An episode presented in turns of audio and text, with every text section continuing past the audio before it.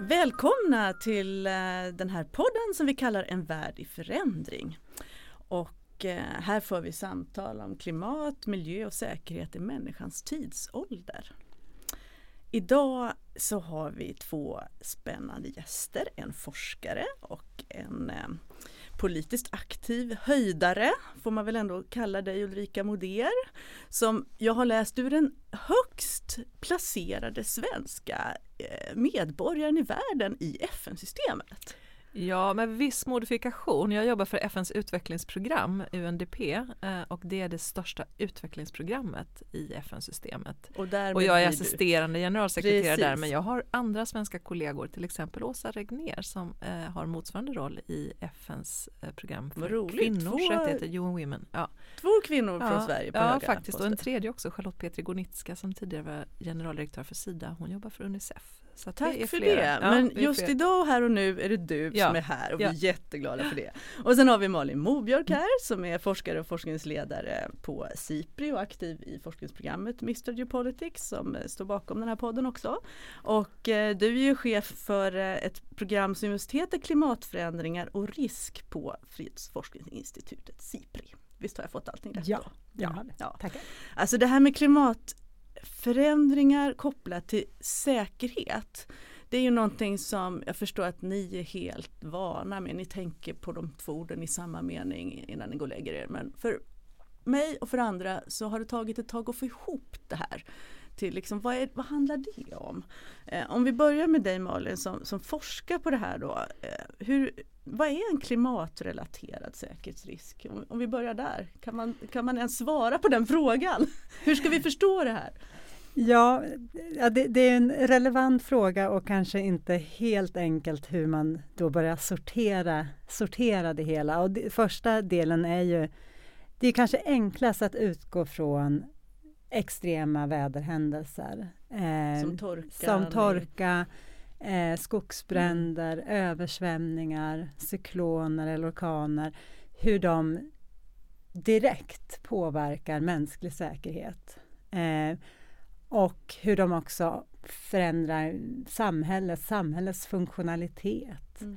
Som ju sen också har politiska implikationer om intressen och som också spelar över liksom mer i, i en politisk kontext. Och då blir det plötsligt mm. den här nationella nivån då när man mm. börjar tänka säkerhet ja. Mm. som, mm. som eh, försvarsdepartementet har hand om tänker jag då. Alltså nu blir det säkerhet, säkerhet. Ja det, det kommer ju även med kopplingar dit och det som man ju också ser för, för just de här extremväderhändelserna, där har en väldigt tydlig just koppling med mänsklig säkerhet. Men sen så finns det ju andra lager i säkerhetsdiskussionen som är mer är kopplade till mer intressen mm. av naturresurser och de förändringar då som klimatförändringen innebär för naturresurser. Så att det är inte en direkt koppling själva klimathändelsen utan det är hur klimatet påverkar andra processer som är viktiga för som män, Som i sin tur påverkar oss människor i vår... Precis. Ja, och sen kan så du... kommer det ytterligare ja. Eh, aspekter också kring framförallt lokala väpnade konflikter också har mycket naturresursfrågor i sig även på den nivån. Så att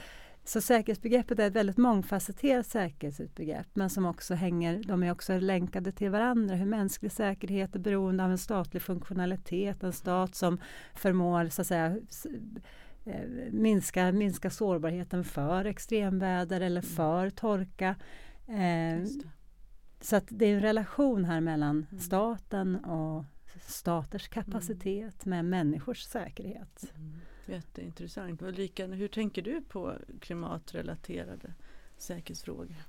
Jag tänker utifrån det som Malin beskriver här att det handlar ju inte bara om stater eller mm. enskilda mm. länder utan det leder ju också till en regional eh, Just dynamik. Just eh, och där jag tror att det är viktigt att säga att det är självklart så att, att klimatförändringar inte i sig eh, nödvändigtvis mm. skapar konflikter utan att det är det här sammanhanget vad, vad av andra vara? faktorer. Kan du ta något exempel? Eh, ja men det som brukar beskrivas som jag tror att Malin kan berätta också om utifrån sin forskning det är ju när det är torka och mm. eh, det blir sämre tillgång till resurser och hur man då lokalt ser hur, hur människor clashar. Eh, det finns ju i, på den afrikanska kontinenten många exempel på det här.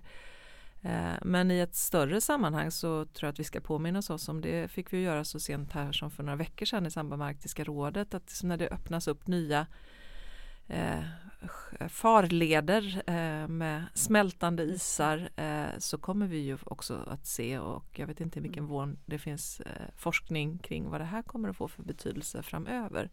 Mm. Eh, också större, större säkerhetspolitiska konsekvenser. Mm.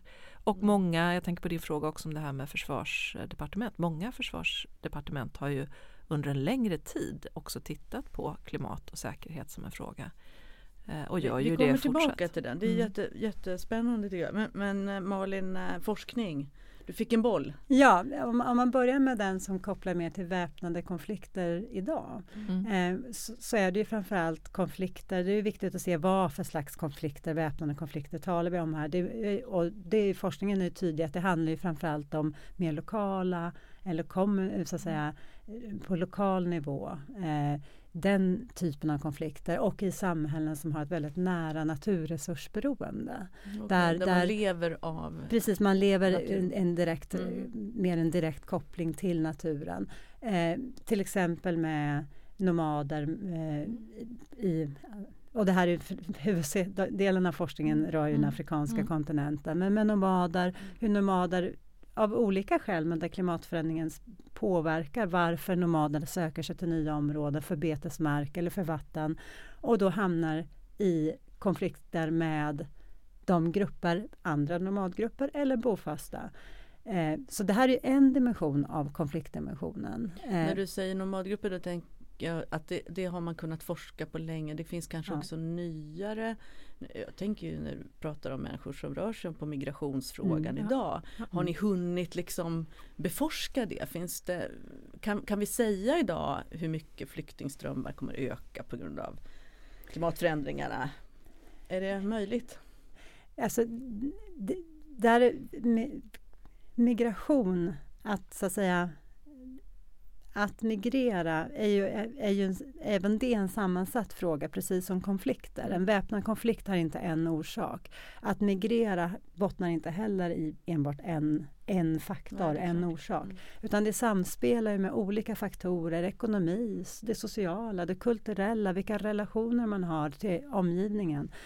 Eh, det som man kan eh, tydligt säga är ju hur migration menar, vid, vid ett extremväder så blir det ju en lokal, en akut eh, så att säga mm, displacement. Jag hittar mm, inte det svenska, mm. svenska ordet. En, det är en flykt helt mm. enkelt som ju ofta är lokalt eller i regionen, i närområdet. Men sen så får man också migration av mer cyklisk karaktär. Eh, som också, det största migrationsflödet är ju mellan det landsbygd och stad. Och mm den innebär ju också nya slags sårbarheter för de som migrerar. Mm. Mm. Eh, att säga utsagor om hur mycket så att säga, den här klimatdrivna migrationen där klimatförändringen spelar en roll mm. i, i att den, migrationen tilltar. Det är ju nästan omöjligt att säga för det beror ju också på hur samhällen kommer anpassa sig.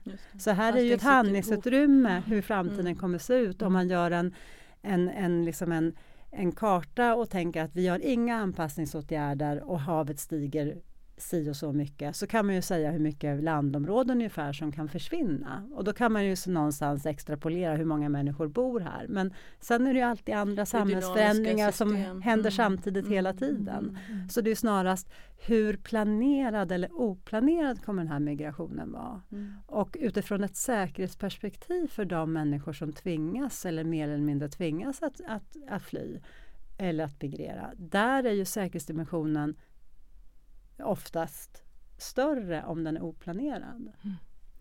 Får jag återkomma också till den? Jag tänkte först bara kolla med er, Tycker ni nu att det här mångfacetterade begreppet eh, har, har belysts från tillräckligt många håll innan vi går vidare? I samtalet? Ja, men jag kan Ulrika? väl utifrån mitt perspektiv känna att det ändå är på sin plats att som FNs generalsekreterare säger eh, som eh, ringa alarmklockan mm. eh, och sätta utropstecken. Självklart är det otroligt viktigt att mm. vi bygger de politiska förslag eh, som finns och diskuteras på vetenskaplig grund. Men jag vet ju också att många klimatforskare, du får eh, Malin rätta mig om jag har fel, också känner en frustration över att, eh, att det tar lite tid att verifiera data och komma fram samtidigt som man tittar på mer framåtsyftande scenarier.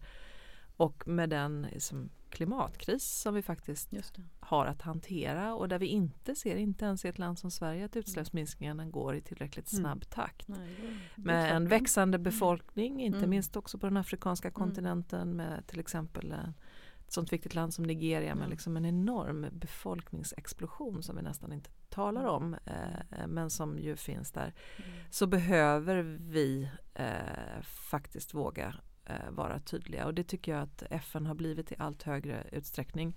Eh, jag glädjer mig väldigt åt att generalsekreteraren har verkligen satt det här eh, högst på dagordningen och han kallar ju till ett klimattoppmöte här i september. Ja, ska vi gå in lite på FNs roll i det här? Eh, vi, vi, kommer tillbaka till ett par andra frågor men, men eh, när du nämner det, och jag, då skulle jag vilja backa ett litet snäpp för din del också Ulrika mm. med, med FNs säkerhetsråd och när Sverige var var medlem här och då du var statssekreterare mm. åt Isabella Lövin och mm. följde det här arbetet väldigt, mm. väldigt nära. Mm. Hur eh, Kan du säga och berätta någonting om vårt eh, va, va, va, hur var det mm. att vara där på mm. insidan och följa de här diskussionerna?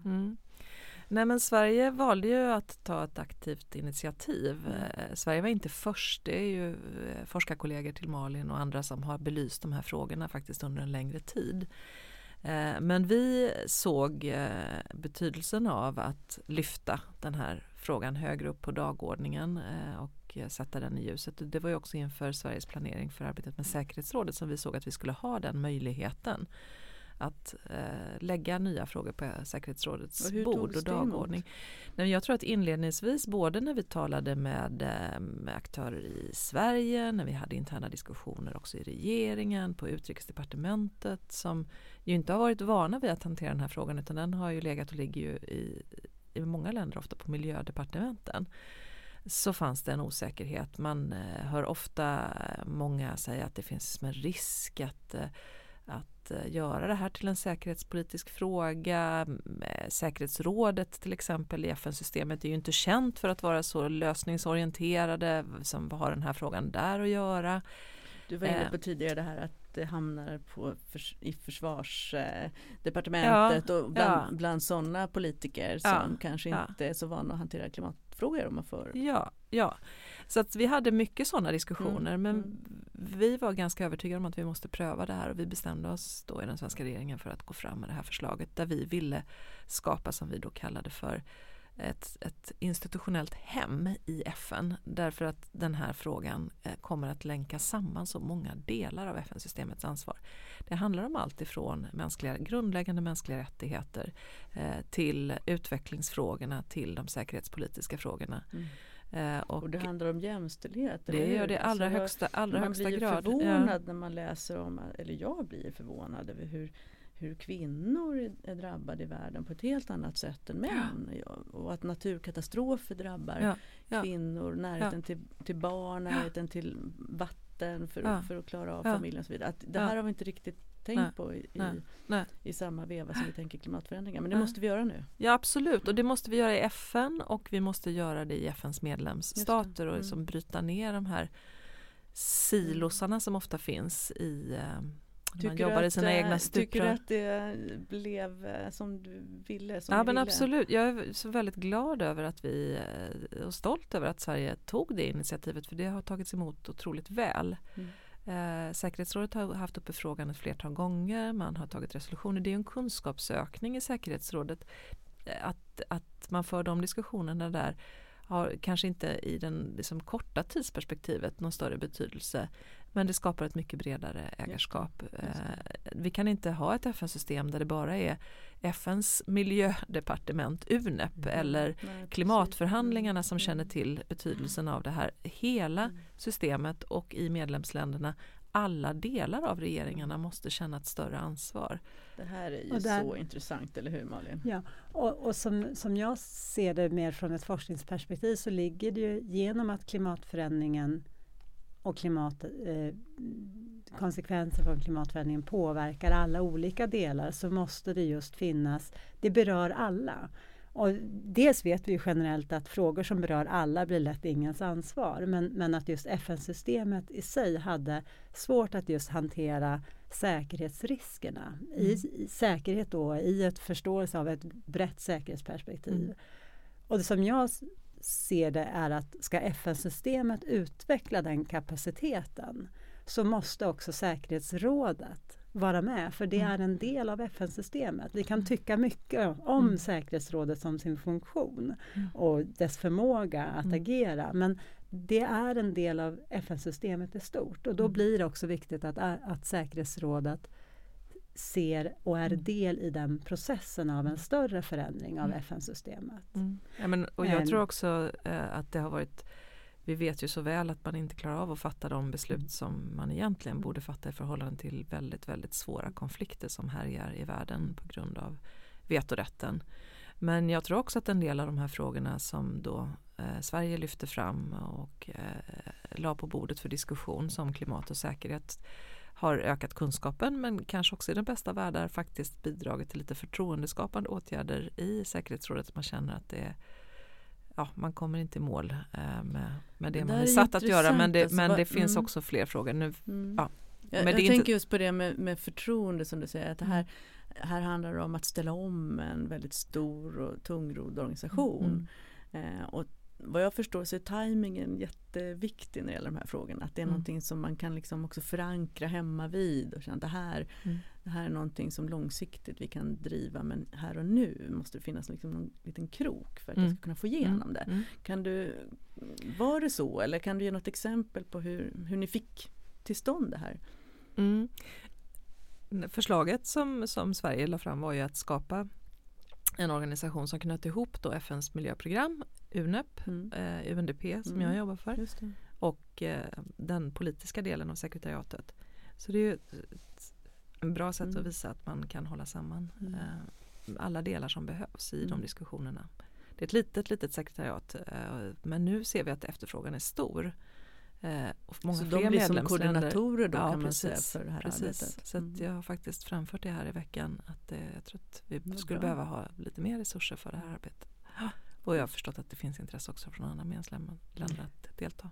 Men fanns det någonting i själva processen som du ser när de här frågorna när, när ni då, svenska regeringen tillsammans ja. med andra länder lyfte frågorna på dagordningen på säkerhetsrådet som, som blev så att säga, jag vet att den, inför den första resolutionen så gjorde säkerhetsrådet en resa till Lake Chad-området som jag har förstått var väldigt viktig för, ja.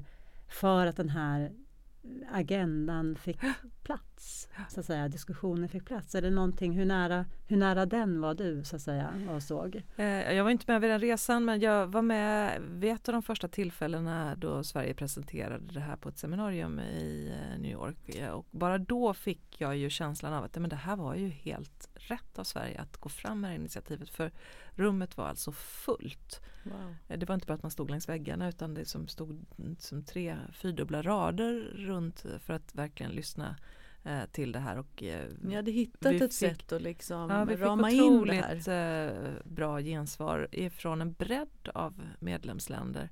Och du, en del, får jag bara skjuta, mm. skjuta in där, eftersom en del av medlemsländerna faktiskt är mer eller mindre klimatförnekare om man får säga det det får man i den här podden. Mm. Um, så hur hanterar man det liksom mm. politiskt mm. här? Alltså mm. hur, har du någon Nej, men jag tänker om du, alltså du hänvisar till USA till ja. exempel, det är ju ingen hemlighet, de säger ju det själva så att, eh, att inte det här är en, en prioriterad fråga. Men ändå så stöttar de ju er verksamhet på Absolut, absolut. Eh, USA är en av våra viktiga eh, långsiktiga bidragsgivare eh, och eh, deras eh, förhållande till det här är ju att de är väldigt engagerade i säkerhetsfrågor, konfliktförebyggande arbete, mm. freds och statsbyggande Eh, de jobbar också med ett stort engagemang i jordbruksinsatser, hälsofrågor så att de ser ju också betydelsen av att förhålla sig till eh, det här i amerikanskt bistånd och Eh, vad jag vet så fortsätter ju även Pentagon med eh, sitt arbete kring eh, klimat och säkerhet. Så att,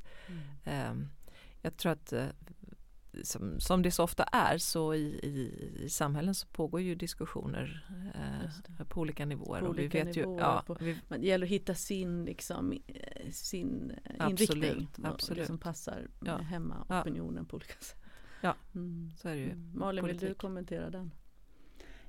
Ja, och sen var jag lite nyfiken på att höra ja. dig, din beskrivning, fortsättningen där ja. lika med ja. det här seminariet och ja. Där de den kring väggarna. uppslutningen där och, och vad den, och den ja, bryggan över till ett, mer politiskt alltså ja, men Jag tror, alltså de som företräder sina länder i FN när inte politiker är på plats, de är karriärdiplomater, de har ofta inte en, en miljö eller klimat mm liksom bakgrund eller någon bredare, djupare kunskap om det här. Men precis som väldigt många andra, och det ser vi ju världen över nu, eh, har väckts i den här frågan av att det är någonting otroligt allvarligt som är på väg att hända.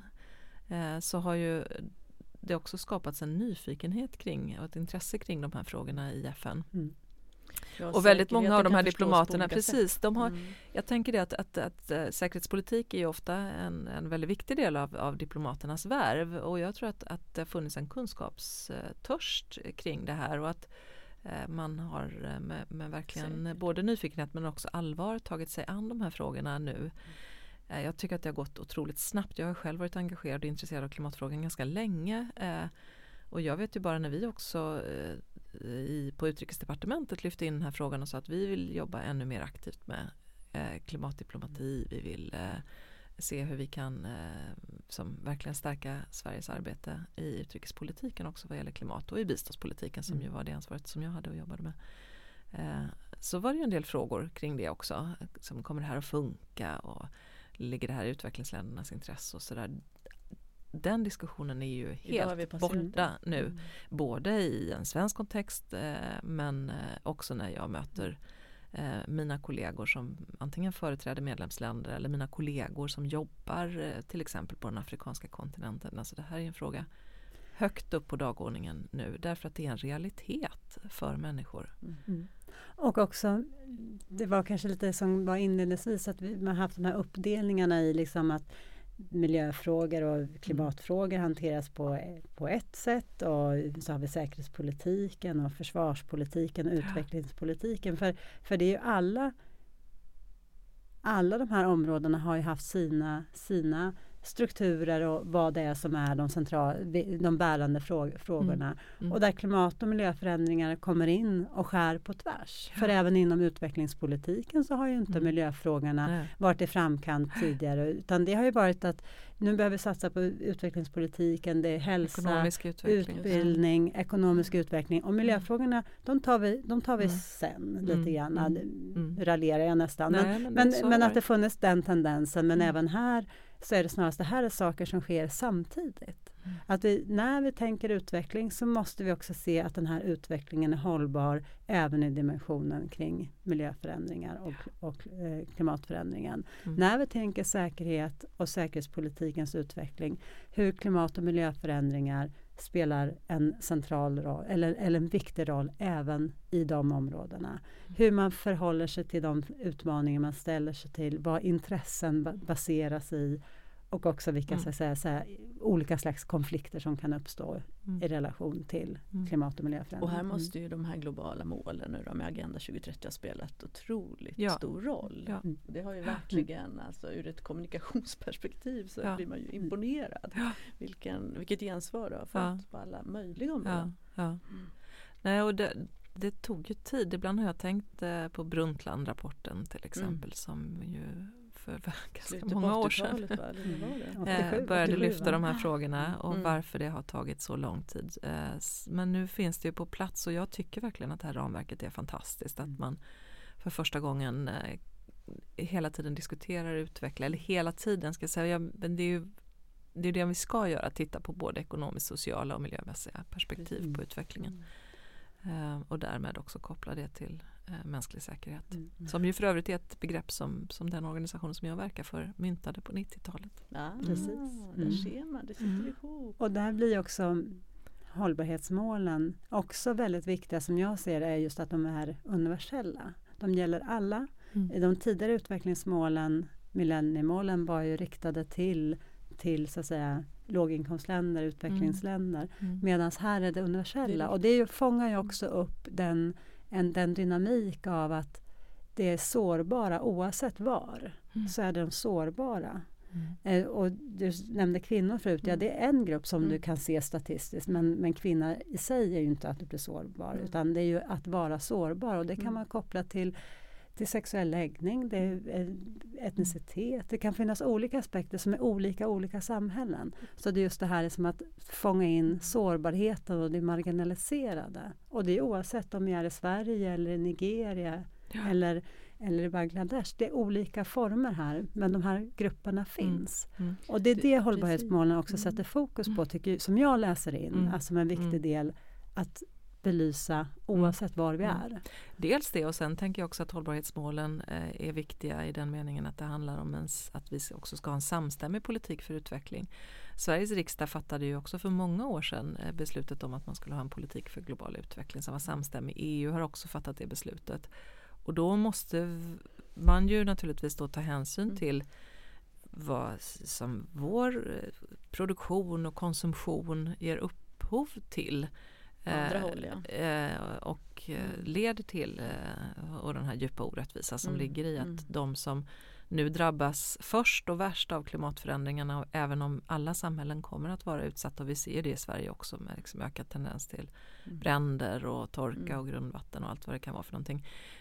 Men, men det faktum att de som har bidragit minst till det här problemet, gigantiska problemet som uppstått med klimatförändringarna är de som drabbas först och värst. Det är ju som på något sätt liksom det mm.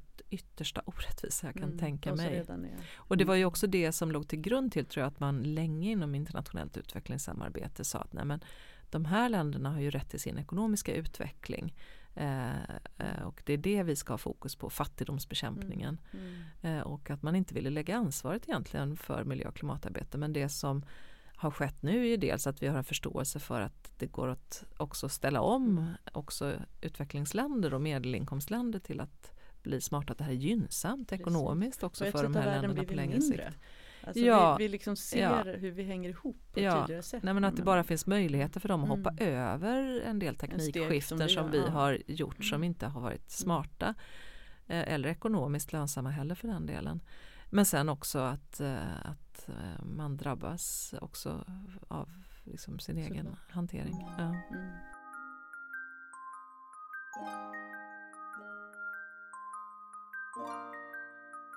Hörni, eh, jag har bett er att ta med varsin bok. Mm. Och jag tror att Ulrika får börja. Ja. Vad, vad, har du tagit? Eller bok? Du kanske har med någon, Nej, någonting ja, i skrift precis. i alla Nej, fall. Men jag, jag ska visa sen vad jag har, mm. har tänkt eh, att jag skulle berätta om. Och ja. det är faktiskt då eh, UNDPs Human Development Report som var den här rapporten som myntade begreppet mänsklig säkerhet mm. 1994 om jag minns rätt. Eh, och det är en, en fantastisk rapport som då redan på 90-talet började titta på eh, eh, utvecklingsfrågorna, inte bara ur det här rent ekonomiska perspektivet utan man lyfte in då frågor som hälsa och utbildning och sen så kan man rapportera statistik över precis hela världen eh, kring hur det går och ligger till. Hur ser liksom den mänskliga utvecklingen ut? Du 1994, var, ja. var, var fanns du då? Då hade jag precis börjat jobba professionellt i utvecklingssamarbetet och jobbade med mänskliga rättigheter i Latinamerika. På Diakonia? Eller Nej, jag var faktiskt för, för katolska kyrkans ja. biståndsorganisation. Och den här rapporten eh, fick du tag på? Ja, ja för mig hur, var den och det var den nog redan, dig, under, nej, men det, redan under studietiden så var det här ganska som banbrytande, ett nytt förhållningssätt som UNDP bidrog till där man inte bara tittade på BNP och ekonomiska mått utan man tittade bredare. Så någonstans eh, som redan då så började man göra det. Vad var och det, det som gjorde att du kände att det här, här är de på något viktigt? Ja men det var ju förståelsen för att vi inte bara kan liksom titta på en dimension ekonomisk utveckling mm. utan att vi måste titta bredare eh, på de här frågorna. Men, men eh, lite heads up då inför det som komma skall för att i eh, oktober när den lanseras eh, för det här året, mm. 2019, mm. så kommer vi ha fokus på en fråga som är också högt upp på dagordningen som handlar om ojämlikhet. Det tror jag blir en jätteviktig alltså diskussion. Alltså oktober 2019 ja, så precis. Det här. Mm. och då kommer man kunna titta på de här frågorna mm. världen över och kunna se vad det finns för hur, hur det ligger till och också eh, vad som eh, kan du behöver avslöja göras. någonting redan nu? ja, eller? jag kan väl avslöja så mycket men jag tror inte det är någon hemlighet att eh, ojämlikheten växer. Mm. Och det gör den ju i alla mm. medlemsstater i princip. Ja, även i eh, en sån här del av världen som som Sverige. Så mm. behöver vi ju hitta eh, nycklarna i samhällsdebatten men inte minst hur reformer mm. tas fram som gör eh, att människor eh, hänger med och att ger får, stöd till ja. den här omställningen som är mm. nödvändig. Och jag tror att det är jätteviktigt. till, eh, till absolut, alla i systemet. Absolut, och att vi inte hamnar i diket och på något sätt tror att det är reformer som ska hantera klimatkrisen som är orsaken till den här växande ojämlikheten. Mm. Eh, jag tror det är jätteviktigt att man när man utvecklar eh, reformer för att bromsa eh, klimatförändringarna så att man ska titta på den dimensionen. Men det är ju inte de reformerna som är huvudsakiga, även om det säkert finns människor som kan tycka det, eh, har orsakat utan det är ju andra delar av politiken som man också mm. behöver titta på. Mm. Och, och, då blir det ju väldigt politiskt när du börjar prata. Ja absolut, men det är, vi, vi publicerar den här rapporten och eh, Eh, hoppas att det kommer kunna leda till väldigt bra diskussioner i medlemsländerna och i FN. Mm. Eh, för vi måste kunna hantera den här frågan. Eh, vi är ju alla övertygade om att, att ökad ojämlikhet kommer också leda till, apropå eh, det samtal vi har, säkerhetspolitiska utmaningar. Och vi vill ju se att det vi behöver göra för att hantera klimatförändringarna ska kunna vara en motor för mer inkluderande ekonomisk utveckling. Mer och inte motsatsen. Ja, och mer resilienta samhällen mm. som klarar det här. Mm. Och sen ska jag bara lite pitch då, för det här är 2019, då kommer handla om ojämlikhet. Mm. Men redan nu så har eh, kollegorna som jobbar med det här väldigt omfattande statistikbyggda arbetet också börjat lyfta in miljö och klimatindikatorer i rapporten. Så att 2020 så blir det ännu mer spännande för då kommer då blir det en helt ny generation av eh, Human Development Report med ny statistik där vi som breddar underlaget och lyfter in miljö och klimat. Ja. Oh, vad bra, det måste mm. vi göra något på. Mm. mm. Malin, vad har du tagit med för bok? Ja, jag ska prassla lite med papper. Ja, du får prassla, mm. det är tillåtet. Sätta här fram så att jag tänker igenom. Ja, den bok jag har tagit med mig eh, den kopplar inte an till klimatförändringen eller säkerhet på så att säga något där vi började vårt samtal. Men som jag tycker är intressant av andra skäl. Och jag ska snart förklara vilka. Men boken är, den heter Svälten. Hungeråren som formade Sverige. Och den skrevs av, skriven av Magnus Westerbro. Och den fick Augustpriset mm. förra mm, 2018. Mm. Och Jättebra. anledningen till att jag tar den är Ganska mycket för att den sätter perspektiv på oss själva, alltså Sverige. Mm. Eh, vi diskuterar som sagt en utvecklingsfrågor här, global rättvisa, orättvisor, fattigdom, eh, korruption som påverkar väldigt negativt samhällen eh, i, det här, i, i, i världen. Men tittar vi bakåt i vår egen historia mm. så är det inte så länge sedan som Sverige präglades av fattigdom, korruption, djupa orättvisor och även då till och med svält. Mm. Och jag tycker det är viktigt av flera skäl att sätta fokus på det. Och ett av skälen är kanske att få dels, dels en positiv att se hur man faktiskt kan på ganska kort tid göra väldigt stora förändringar.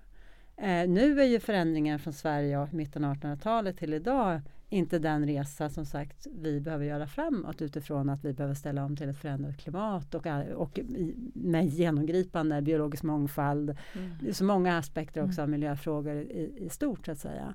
Men att det går att göra stora förändringar till det bättre. Det. Och att det också ligger framför oss. Att, mm. att det finns, det finns sådana mm. såna möjligheter. Mm. Men dels tycker jag också det är viktigt för att kanske skapa, kanske också vara lite ödmjuk inför vad Sverige är idag. Eh, och att Sverige faktiskt, som han lyfter fram, Magnus Westerbro, Sverige också tog emot bistånd, mm. matbistånd. Mm. Eh, ja, det är och också att få, boken, att få en liten ödmjukhet mm. i mm. vår roll mm. också idag gentemot de som idag, de människor idag mm. som är i de mest utsatta mm. lägena. Mm. Att det inte så länge sedan vi själva var där. Och han ger röst åt barn. Och, alltså det är verkligen vilket research han måste ha gjort ja. för att skriva denna bok. Ja. Jag tog faktiskt också med en liten bok, nu ska jag gräva i min ryggsäck. Jag tog med Dag Hammarskjölds ja, vägskäl. Också för att jag tycker att det vi pratar mm. om mm. är ju att vi står inför vägskäl och mm. eh, FN för mig är nog eh, mm. väldigt mycket eh, Hammarskjöld fortfarande. Mm. Någon slags mm. sån där mm. kanske bild av vad jag vill att FN ska vara mm. snarare än vad det är mm. kanske. Mm. Och han skriver, det är ju som en slags dagbok och eh, ja, man, man, kan egentligen bara ha den på nattduksbordet och plocka plocka klokskap. Ja. Eh, det, han ger liksom också en bild av att fastän han var en sån makthavare och en sån mm. högt uppsatt person så mm. är det mycket tvivel och mm. osäkerhet mm. i hans liksom, sätt att mm. tänka och mm. är vi på rätt spår och hur ska det gå? Och så. Så Får jag, jag säga någonting? För Dag Hammarskjöld är ju fortsatt en verklig förebild för många FN-medarbetare. Det är ju fascinerande som svensk att, oh, att uh, se det. Det är ändå en har gått en tid sedan han mm. lämnade. Eh, och jag måste ju säga att också att jag är otroligt positivt överraskad och jag tänker när du säger att som FN var och som man önskar att FN skulle vara så är det ju så viktigt att påminna sig om det som så många har sagt att FN är ju både en bild av världen så som vi önskar att den var men också en bild av världen så som den är därför att mm. FN i sig är ju ett rum mm. för alla världens mm. medlemsstater och därmed också en spegel mm. för hur läget i världen är. Mm. Så att det är klart mm. att när vi ser den här ökade mm. nationalismen och populismen och protektionismen och, så utmanar det ju FN eh, något otroligt. Och Eh, jag måste säga att jag eh, möter väldigt många som likt Dag Hammarskjöld står otroligt stadigt i sina värderingar och jag tänkte mycket på det när jag eh, var på väg att kliva in i den här rollen för då pågick den här debatten som ju har blivit allt mer högljudd i Sverige om svenska värderingar. Att ah, nu ska jag få komma till en arbetsplats med människor från precis hela världen som delar eh, gemensamma mm. värderingar. Vi har olika mm. bakgrund och olika sätt att se på saker och det är fortsatt så viktigt för att vi ska kunna mm. eh, förstå varandra. Men utgångspunkten i de överenskommelser som finns, även om de inte alltid efterlevs, de delas ju av alla medarbetarna mm. som jobbar för FN och den mm. gemenskapen blir bara starkare när FN som institution utmanas. Mm. Kan du nämna några av de centrala då, gemensamma värderingarna i det, så att lyfta fram dem? ja, nej, men jag tror allt mm, mm. ifrån mm. mänskliga rättigheter, vi pratat lite kort här om kvinnors rättigheter, eh, så det här som djupa intresset för de här som nya utmaningarna som mm. kommer upp, både som vi ser väldigt utdragna kriser och konflikter eh, där världssamfundet inte klarar av att hantera dem med anledning av de här låsningarna från vetomakterna i i säkerhetsrådet men också eh, inte minst nu klimat och miljöfrågorna. Mm. Och där jag möter eh, oavsett egentligen vem jag träffar i systemet ett, ett eh, verkligen både genuint engagemang och en enorm drivkraft. Vad tror du om möjligheterna att, att FN också kan bli den här vad ska jag säga, stark starka, beslutsamma och mm. liksom kraften mm. som, som vi känner också behövs för, för att minska koldioxidutsläppen. För att ta en mm. sån här konkret, så en global mm. koldioxidskatt. Man bollar gärna sådana här mm. frågor till FN och säger men det kommer ju inte att gå för mm. FN skulle aldrig, skulle aldrig kunna gå igenom. Och så ser vi samtidigt hur hur städer runt om i världen ja, ja. tar otroliga initiativ idag. Det händer väldigt mycket på, på lokal och regional nivå men man får känsla av att FN är inte riktigt bra på det där. Har jag, har jag fel? Då? Nej men det är ju inte FN, det är ju FNs medlemsländer mm. som är mm. problemet. Mm. Det är inte FN som institution.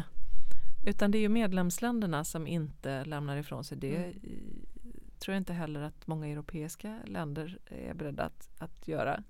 Eh, och jag tror ju tyvärr att det inte riktigt är tid för de här liksom mer högtflygna idéerna som, som jag många gånger har backat och jag tycker den diskussionen ska pågå. Mm. Visst kan man men jag kan vara lite orolig för att att man kommer med idéer som, som låter bra och som många vanliga människor kan känna att men det där, vi ska ha en global mm. skatt eller vi ska ha Eh, men om det inte kan bli verklighet idag så behöver vi också ha eh, som mer reformsinnade människor som kan tänka vad kan vi Därför att vi har inte tid att nej, vänta nej, på de här, här, stora Precis. lösningarna. Ja och jag tycker att det finns saker som vi de facto kan bygga vidare på med mm. utgångspunkt i de här fantastiska besluten som togs 2015. Både eh, målen för hållbar utveckling med finansieringsagendan men också Parisavtalet mm. för klimatet. Mm.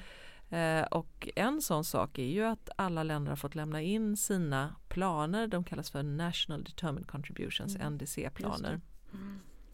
Eh, och vi vet från FFs utvecklingsprogram UNDP att kvaliteten på de här planerna är inte särskilt bra. De eh, har ofta sin hemvist i ganska svaga miljödepartement eh, och vi har ju då möjligheten som UNDP att när vi ger stöd till finansministern eller planeringsministern eh, i hur de ska komma vidare mm. med sin, eh, sitt arbete mm. så kan vi också hjälpa till att lyfta in de här planerna. Vi kan komma med tekniskt stöd för att öka kvaliteten i planerna. Vi kan också se om vi kan hjälpa länder att göra de här planerna till mer av investeringsplaner.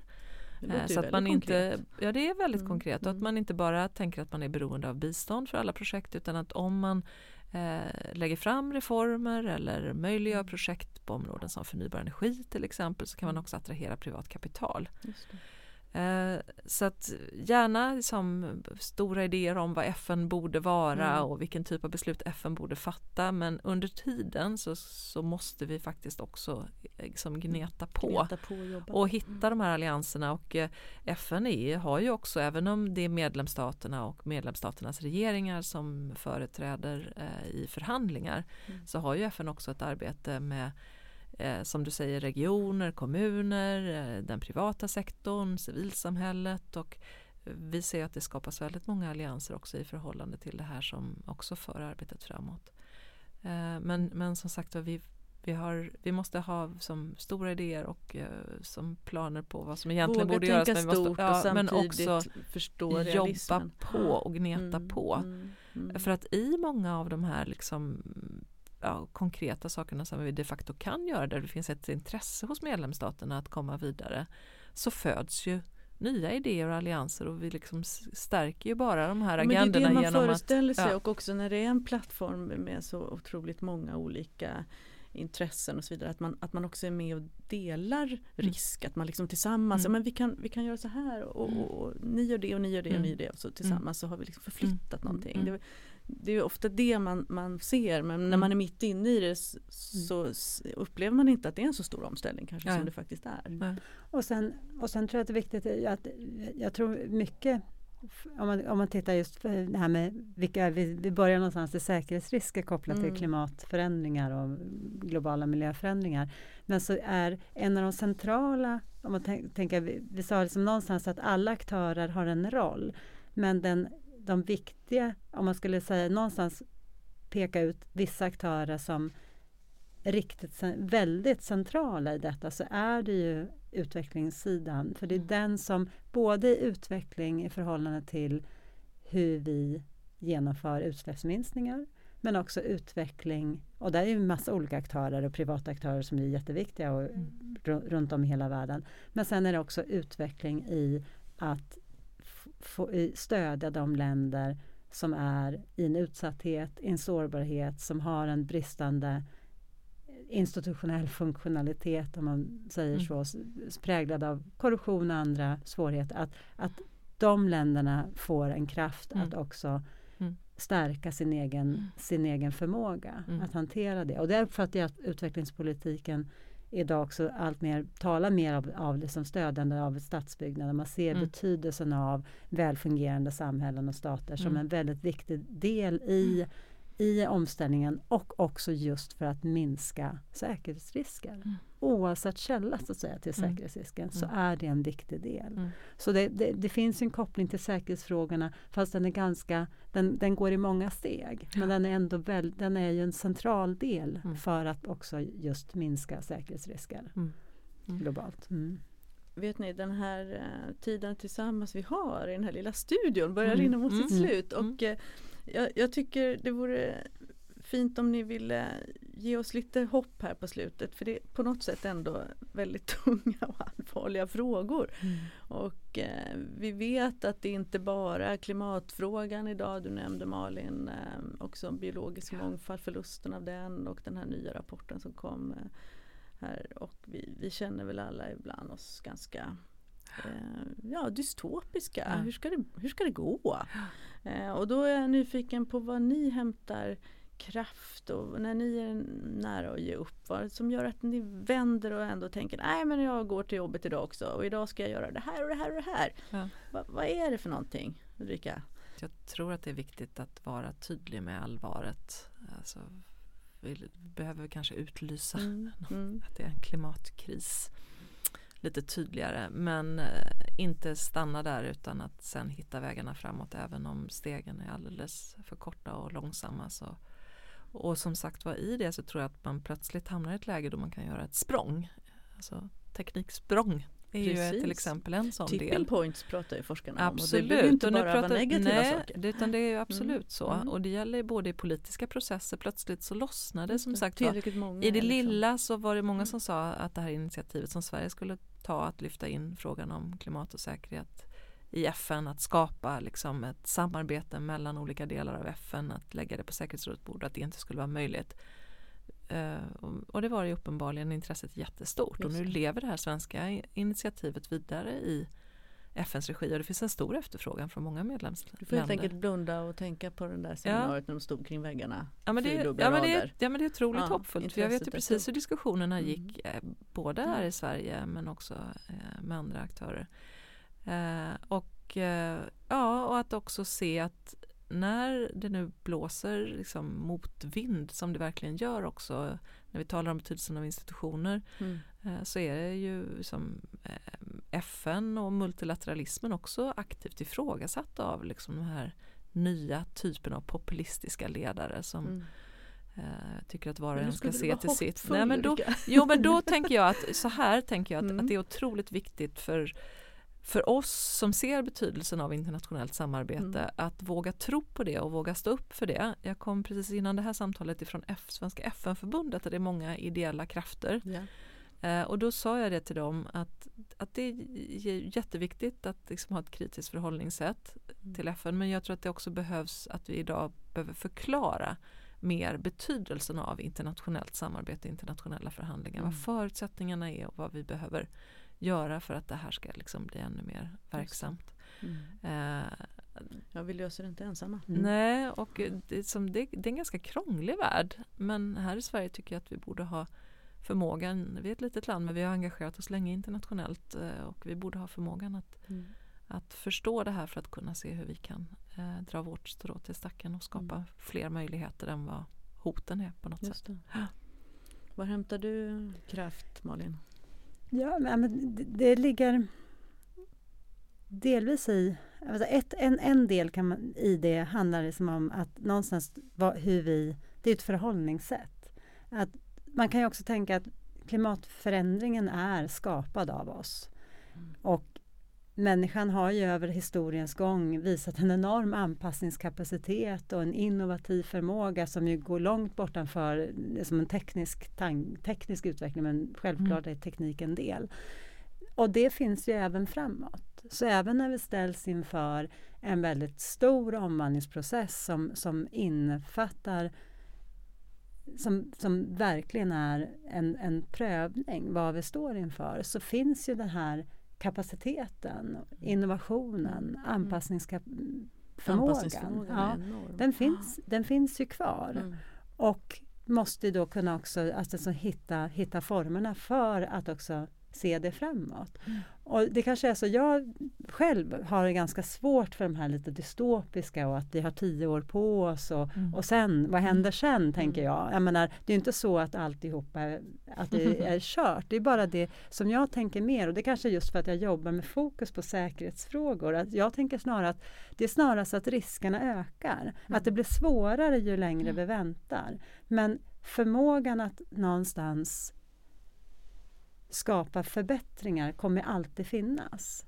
Sen kommer priset och det kommer ju vara det mänskliga lidandet i framförallt andra delar av världen än den del som vi sitter i var den som bär ett väldigt högt pris. Mm. Så då blir det också att faktiskt sätta mer, ett ökat fokus på moralfrågorna här mm. och man behöver lyfta mm. dem tydligare. Mm. Och jag tror att det, det, är ett stort behov av det. Men som sagt att vi har en anpassningskapacitet och vi har en, att det någonstans så finns den med oss. Och det är lite det som också blir också det, att vara fram, människa. Jag vill också att eh, när du säger moral och jag tänker etik och moral att de typerna av frågor är vi nog många som saknar i debatten. Och att, ja, att lyfta ja, dem gör mm, nog att vi får med ja, oss fler mm, i, i, mm, diskussionerna. Mm, och absolut. Eh, jag som jobbar med kommunikation också, jag tänker ju på att eh, alltså vi, vi, vi måste bli bättre på att berätta om en åtråvärd värld mm. dit vi vill. På, jag var precis alltså, på väg att säga det. Därför att jag tror att mm. om man ser städer framför sig som är städer som är klimatanpassade både i den meningen att städerna ska eh, då släppa ut mindre koldioxid, eh, det vill säga vi kommer ha som mindre trafik, mer kollektivtrafik, mer mm. cykel, andra typer av transportmedel. Vi kommer behöva anpassa städerna för förändrade liksom, vädermönster och därmed så kommer städerna bli både grönare och mer blå. Mm. Därför att Tystare. vi behöver bryta upp asfalten ja. och ha liksom, mm. eh, vattentäkter och möjlighet för avrinning. Vi behöver träd i städerna och sådär. Mm. Och den bilden, jag pratade med en kollega här på Sipri-forumet från Addis Abeba, alltså vare sig vi pratar om New York eller Addis mm. Abeba så tror jag att de städerna kommer bli betydligt vackrare och mer beboeliga städer i framtiden om vi klarar av att stadsplanera eh, för anpassning och utsläppsminskningar.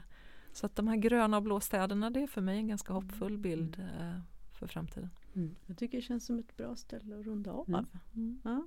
Jag vill tacka er så jättemycket Ulrika Moder och eh, Malin Mobjörk för att ni kom till En värld i förändring. Och och eh, vi är snart tillbaka med ett nytt avsnitt och eh, stort tack! Tack! tack. Lycka till i era viktiga ja. arbeten! Tack! Tack. Mm, tack ska ni ha! Det här var ett avsnitt i poddserien En värld i förändring från forskningsprogrammet Miss Radio Politics.